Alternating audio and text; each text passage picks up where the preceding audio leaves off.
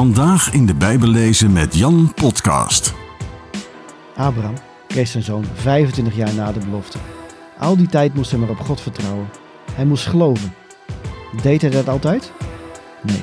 We weten dat hij momenten van diepe twijfel had. En die twijfel zien we nu ook terug bij Zacharias. Heeft het leven hem zo beschadigd dat hij niet durft te geloven in wat hij ziet en hoort? Kon God het wonder wel doen bij Abraham, maar niet bij hem? We weten het niet. Het enige dat we weten is dat Zacharias twijfelt. Hoe weet ik dat dit echt is? vraagt hij. Ik ben een oude man en mijn vrouw is ook al niet al te jong meer. Ik ben een oude man, zei hij.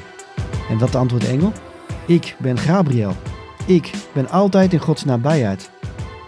Zacharias kijkt naar zijn eigen onvermogen en de engel wijst op zichzelf. Hij zegt: Zacharias, ik ben hier namens God en ik zeg je, hij gaat dit doen.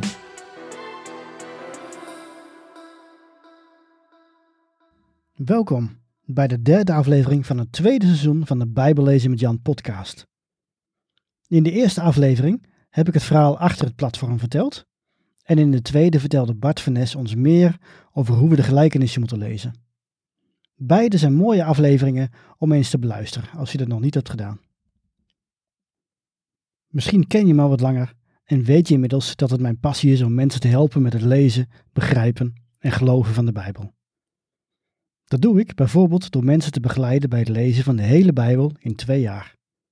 Daarbij lees je twee hoofdstukken per dag, vijf dagen in de week. Voor sommige mensen is dit echter nog steeds een te grote berg om te beklimmen. Daarom bied ik ook korte challenges aan. Daarbij sta je stil bij een Bijbelboek of een thema. Je leest maximaal één hoofdstuk per dag en ik geef daarbij de context en laat zien wat de Bijbel ons probeert te vertellen. Je kunt er bovendien voor kiezen om te lezen of te luisteren. Maar hoe weet je nu of zo'n challenge iets is voor jou? Ik wil het je gewoon laten horen. Ik deel vandaag met jou de eerste les van de Lucas Challenge. Hierbij lees je in je eigen tempo het Lucas-evangelie. En in mijn toelichting laat ik zien hoe meesterlijk Lucas zijn verhaal vertelt, hoe gedegen hij zijn onderzoek heeft gedaan en hoe diep geworteld zijn boek is in de rest van de Bijbel. En op die manier geeft hij zoveel meer betekenis aan de verhalen. Als je de hele challenge wil doen, kijk dan op bijbellezenmetjan.nl slash lucas. bijbellezenmetjan.nl slash lucas. Maar goed, luister eerst maar eens naar deze eerste les en denk er dan maar eens over na of dit iets is voor jou. Laten we beginnen. Lucas. Bij God werkt alles anders dan je denkt. Ik dank God voor je vertrouwen en dat je met mij de Bijbel wilt gaan lezen. Het is zo'n fascinerend boek. Soms vraag ik me wel eens af waarom God ons bij onze geboorte geen handleiding heeft gegeven. Zo van: als dit gebeurt, doe dan dat. Dan zou je tenminste weten wat de juiste keuzes zijn. In plaats daarvan heeft God er in zijn wijsheid voor gekozen om ons een boek te geven dat voor het grootste deel uit verhalen en gedichten bestaat. Waarom toch? Ik denk dat Gods woord een uitnodiging is om deel uit te maken van dat verhaal van God. In het boek van God mogen we allemaal ons eigen hoofdstuk schrijven. Maar dan moeten we wel weten wat het grote geheel is. Daarom lezen en bestuderen we de Bijbel alsof ons leven ervan afhangt. Dat doet het namelijk ook. Tegelijkertijd wil ik benadrukken dat Bijbellezen iets is wat iedereen kan. Zeker als je het samen met anderen doet.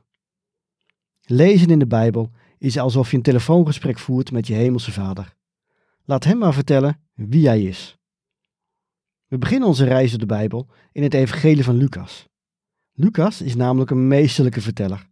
Hij was een Griekse arts die veel optrok met de apostel Paulus en die ook de andere volgelingen van Jezus heeft gesproken. Zelfs met Maria, de moeder van Jezus. Gods geest heeft Lucas geïnspireerd om een boeiend verslag van het leven van Jezus te maken. Zijn verhaal is diep geworteld in het Oude Testament, zoals je bij dit lezen of het luisteren van de lessen zult ontdekken. Ben je bekend met het Oude Testament? Dan ga je nu diepere lagen ontdekken in de Bijbel. Is het Oude Testament nog niet zo bekend voor je? Geen nood, er is voldoende uitleg. En we gaan in de nabije toekomst de belangrijkste verhalen uit het Oude Testament ook lezen. Goed, laten we nu beginnen met het Evangelie van Lucas. We lezen hoofdstuk 1, de versen 1 tot en met 25. Nadat reeds velen zich tot taak hebben gesteld om een verslag te schrijven over de gebeurtenissen die zich in ons midden hebben vertrokken en die ons zijn overgeleverd door degenen die vanaf het begin ooggetuigen zijn geweest en dienaren van het woord zijn geworden, leek het ook mij goed om alles van de aanvang af nauwkeurig na te gaan en deze gebeurtenissen in ordelijke vorm voor u, hooggeachte Theophilus, op schrift te stellen, om u te overtuigen van de betrouwbaarheid van de zaken waarin u onderricht bent. Toen Herodes koning van Judea was, leefde er een priester die Zacharias heette en tot de priesterafdeling Abia behoorde. Zijn vrouw Elisabeth stamde af van Aaron. Beiden waren vrome en gelovige mensen die zich strikt aan alle geboden en wetten van de Heer hielden. Ze hadden geen kinderen, want Elisabeth was onvruchtbaar en beiden waren al op leeftijd. Toen de afdeling van Zacharias eens aan de beurt was om de priesterdienst te vervullen, werd er volgens het gebruik van de priesters gelood en werd Zacharias door het lot aangewezen om het reukoffer op te dragen in het heiligdom van de Heer. De samengestroomde menigte bleef buiten staan bidden terwijl het offer werd gebracht. Opeens verscheen hem een engel van de Heer, die aan de rechterkant van het reukofferaltaar stond. Zacharias schrok hevig bij het zien van de engel en hij werd door angst overvallen. Maar de engel zei tegen hem: Wees niet bang, Zacharias. Je gebed is verhoord. Je vrouw Elisabeth zal je een zoon baren en je moet hem Johannes noemen. Vreugde en blijdschap zullen je ten deel vallen en velen zullen zich over zijn geboorte verheugen. Hij zal groot zijn in de ogen van de Heer en wijn en andere gegiste drank zal hij niet drinken. Hij zal vervuld worden van de Heilige Geest, terwijl hij nog in de schoot van zijn moeder is. En hij zal velen uit het volk van Israël tot de Heer en God brengen. Als bode zal hij voor God uitgaan met de geest en de kracht van Elia om ouders met hun kinderen te verzoenen en om zondaars tot rechtvaardigheid te brengen, en zo zal hij het volk gereed maken voor de Heer. Zacharias vroeg een engel, hoe kan ik weten of dat waar is? Ik ben immers een oude man en ook mijn vrouw is al op leeftijd. De engel antwoordde, ik ben Gabriel, die altijd in Gods nabijheid is, en ik ben uitgezonden om je dit goede nieuws te brengen. Maar, omdat je geen geloof hebt gehecht aan mijn woorden, die op de voorbestemde tijd in vervulling zullen gaan, zul je stom zijn en niet kunnen spreken tot de dag waarop dit alles gaat gebeuren. De menigte stond buiten op Zacharias te wachten en de mensen vroegen zich af waarom hij zo lang in het heiligdom bleef. Maar toen hij naar buiten kwam, kon hij niets tegen hen zeggen. Ze begrepen dat hij in het heiligdom een visioen had gezien. Hij maakte gebaren tegen hen, maar spreken kon hij niet. En toen zijn tempeldienst voorbij was, ging hij terug naar huis. Korte tijd later werd zijn vrouw Elisabeth zwanger. Ze leefde vijf maanden lang in afzondering en zei bij zichzelf: De Heer heeft zich mijn lot aangetrokken. Hij heeft het voor mij gedaan, opdat de mensen me niet langer verachten. Tot zover de Bijbeltekst. Lucas opent zijn biografie van Jezus dus met een dankwoord dat hij richt aan ene Theophilus. Dit was hoogstwaarschijnlijk zijn sponsor. Een boek schrijven was in de eerste eeuw een dure aangelegenheid en het was gebruikelijk dat je je boek opdroeg aan de persoon die je financieel ondersteunde om dat te kunnen doen. Vanaf het begin was het de bedoeling dat veel mensen over Jezus de Christus zouden lezen. Maar Lucas richt zich dus eerst tot Theophilus. Hij schrijft dat hij op een ordelijke manier verslag wil doen over het leven van de Heer Jezus. Want als Lucas de pen ter hand neemt, dat zal ergens tussen de jaren 50 en 80 van de eerste eeuw zijn geweest, toen waren er al best wel wat verslagen over Jezus in omloop. Het evangelie van Marcus bijvoorbeeld. En misschien ook het evangelie van Matthäus al. Maar er kunnen ook best andere geschriften geweest zijn, die wellicht een stuk minder betrouwbaar waren. Daarom wil Lucas alles nog eens netjes opschrijven. En misschien wil hij ook wat duidelijker zijn dan bijvoorbeeld Marcus, die ook een prachtig verslag heeft geschreven over Jezus, maar toch wel blijft hangen in het mysterieuze van Jezus. Het boek Lucas is dus een ordelijk verslag. Dat wil niet zeggen dat alles chronologisch is opgeschreven. De regels voor het maken van een levensbeschrijving waren in de eerste eeuw na Christus anders dan wat wij gewend zijn. Daar komen we later nog wel eens op terug.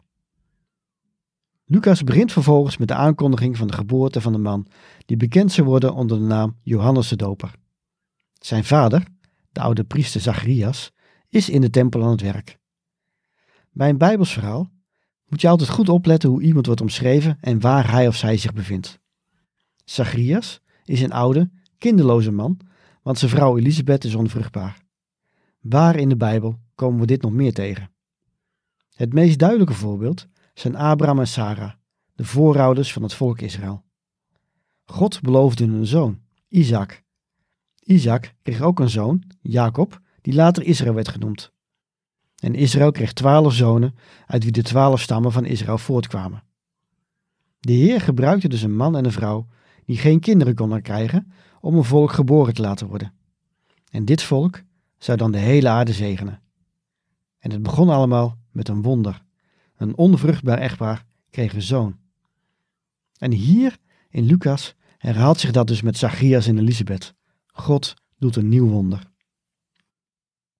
Let ook op wat Zacharias aan het doen is. Hij is in de tempel, in het heilige deel, waar alleen de priesters mochten komen. Het lot wees de priester aan die die dag het reukoffer mocht brengen. Deze eer kon je slechts eenmaal in je leven ten deel vallen. En de meeste priesters maakten het nooit mee. Dit was dus de mooiste dag van Zacharias leven. Dichter bij God dan hier kon hij niet komen. Hij is in de tempel, in de aanwezigheid van God. En juist hier verschijnt een engel met een boodschap. God heeft je gebeden verhoord. Je krijgt een zoon die een boodschapper van God wordt. Een profeet die het volk zal voorbereiden op de komst van de hemelse koning. Abraham kreeg zijn zoon 25 jaar na de belofte. Al die tijd moest hij maar op God vertrouwen. Hij moest geloven. Deed hij dat altijd? Nee. We weten dat hij momenten van diepe twijfel had. En die twijfel zien we nu ook terug bij Zacharias. Heeft het leven hem zo beschadigd dat hij niet durft te geloven in wat hij ziet en hoort? Kon God het wonder wel doen bij Abraham, maar niet bij hem? We weten het niet. Het enige dat we weten is dat Zacharias twijfelt. Hoe weet ik dat dit echt is? vraagt hij. Ik ben een oude man en mijn vrouw is ook al niet al te jong meer. Ik ben een oude man, zei hij. En wat antwoordt engel? Ik ben Gabriel. Ik ben altijd in Gods nabijheid.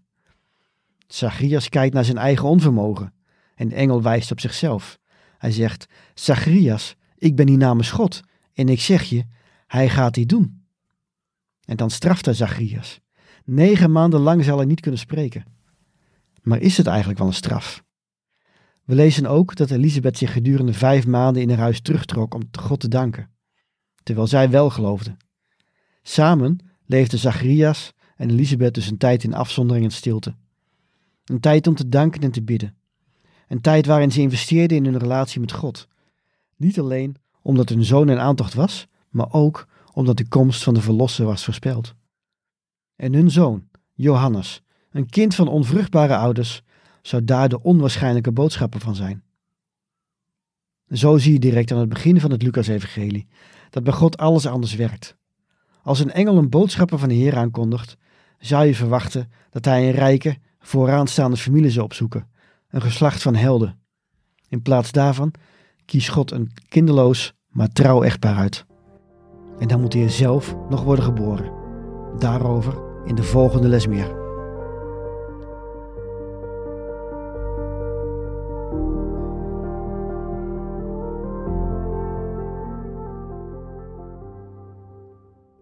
Tot zover de eerste les van Lucas. In het restant van de challenge kijken we onder meer naar het geloof van Jezus' moeder en hoe dat in contrast staat met de twijfel van de priester Zacharias. We zien ook hoe Jezus zich verschillende keren met ons en met Israël identificeert, bijvoorbeeld bij zijn doop, en hoe hij net als Adam en Eva met de duivel werd geconfronteerd. We luisteren naar Jezus' onderwijs over het omgekeerde koninkrijk van God en we staan stil bij de confrontaties met Jezus' tegenstanders. Maar bovenal trekken we met Jezus mee van Bethlehem naar Golgotha, waar hij deed wat de mens niet kon, waar hij het ultieme offer bracht. Als je meer wilt weten over deze challenge, kijk dan op bijbellezenmetjan.nl slash lucas. bijbellezenmetjan.nl slash lucas. Ik wens je veel zegen en tot de volgende keer.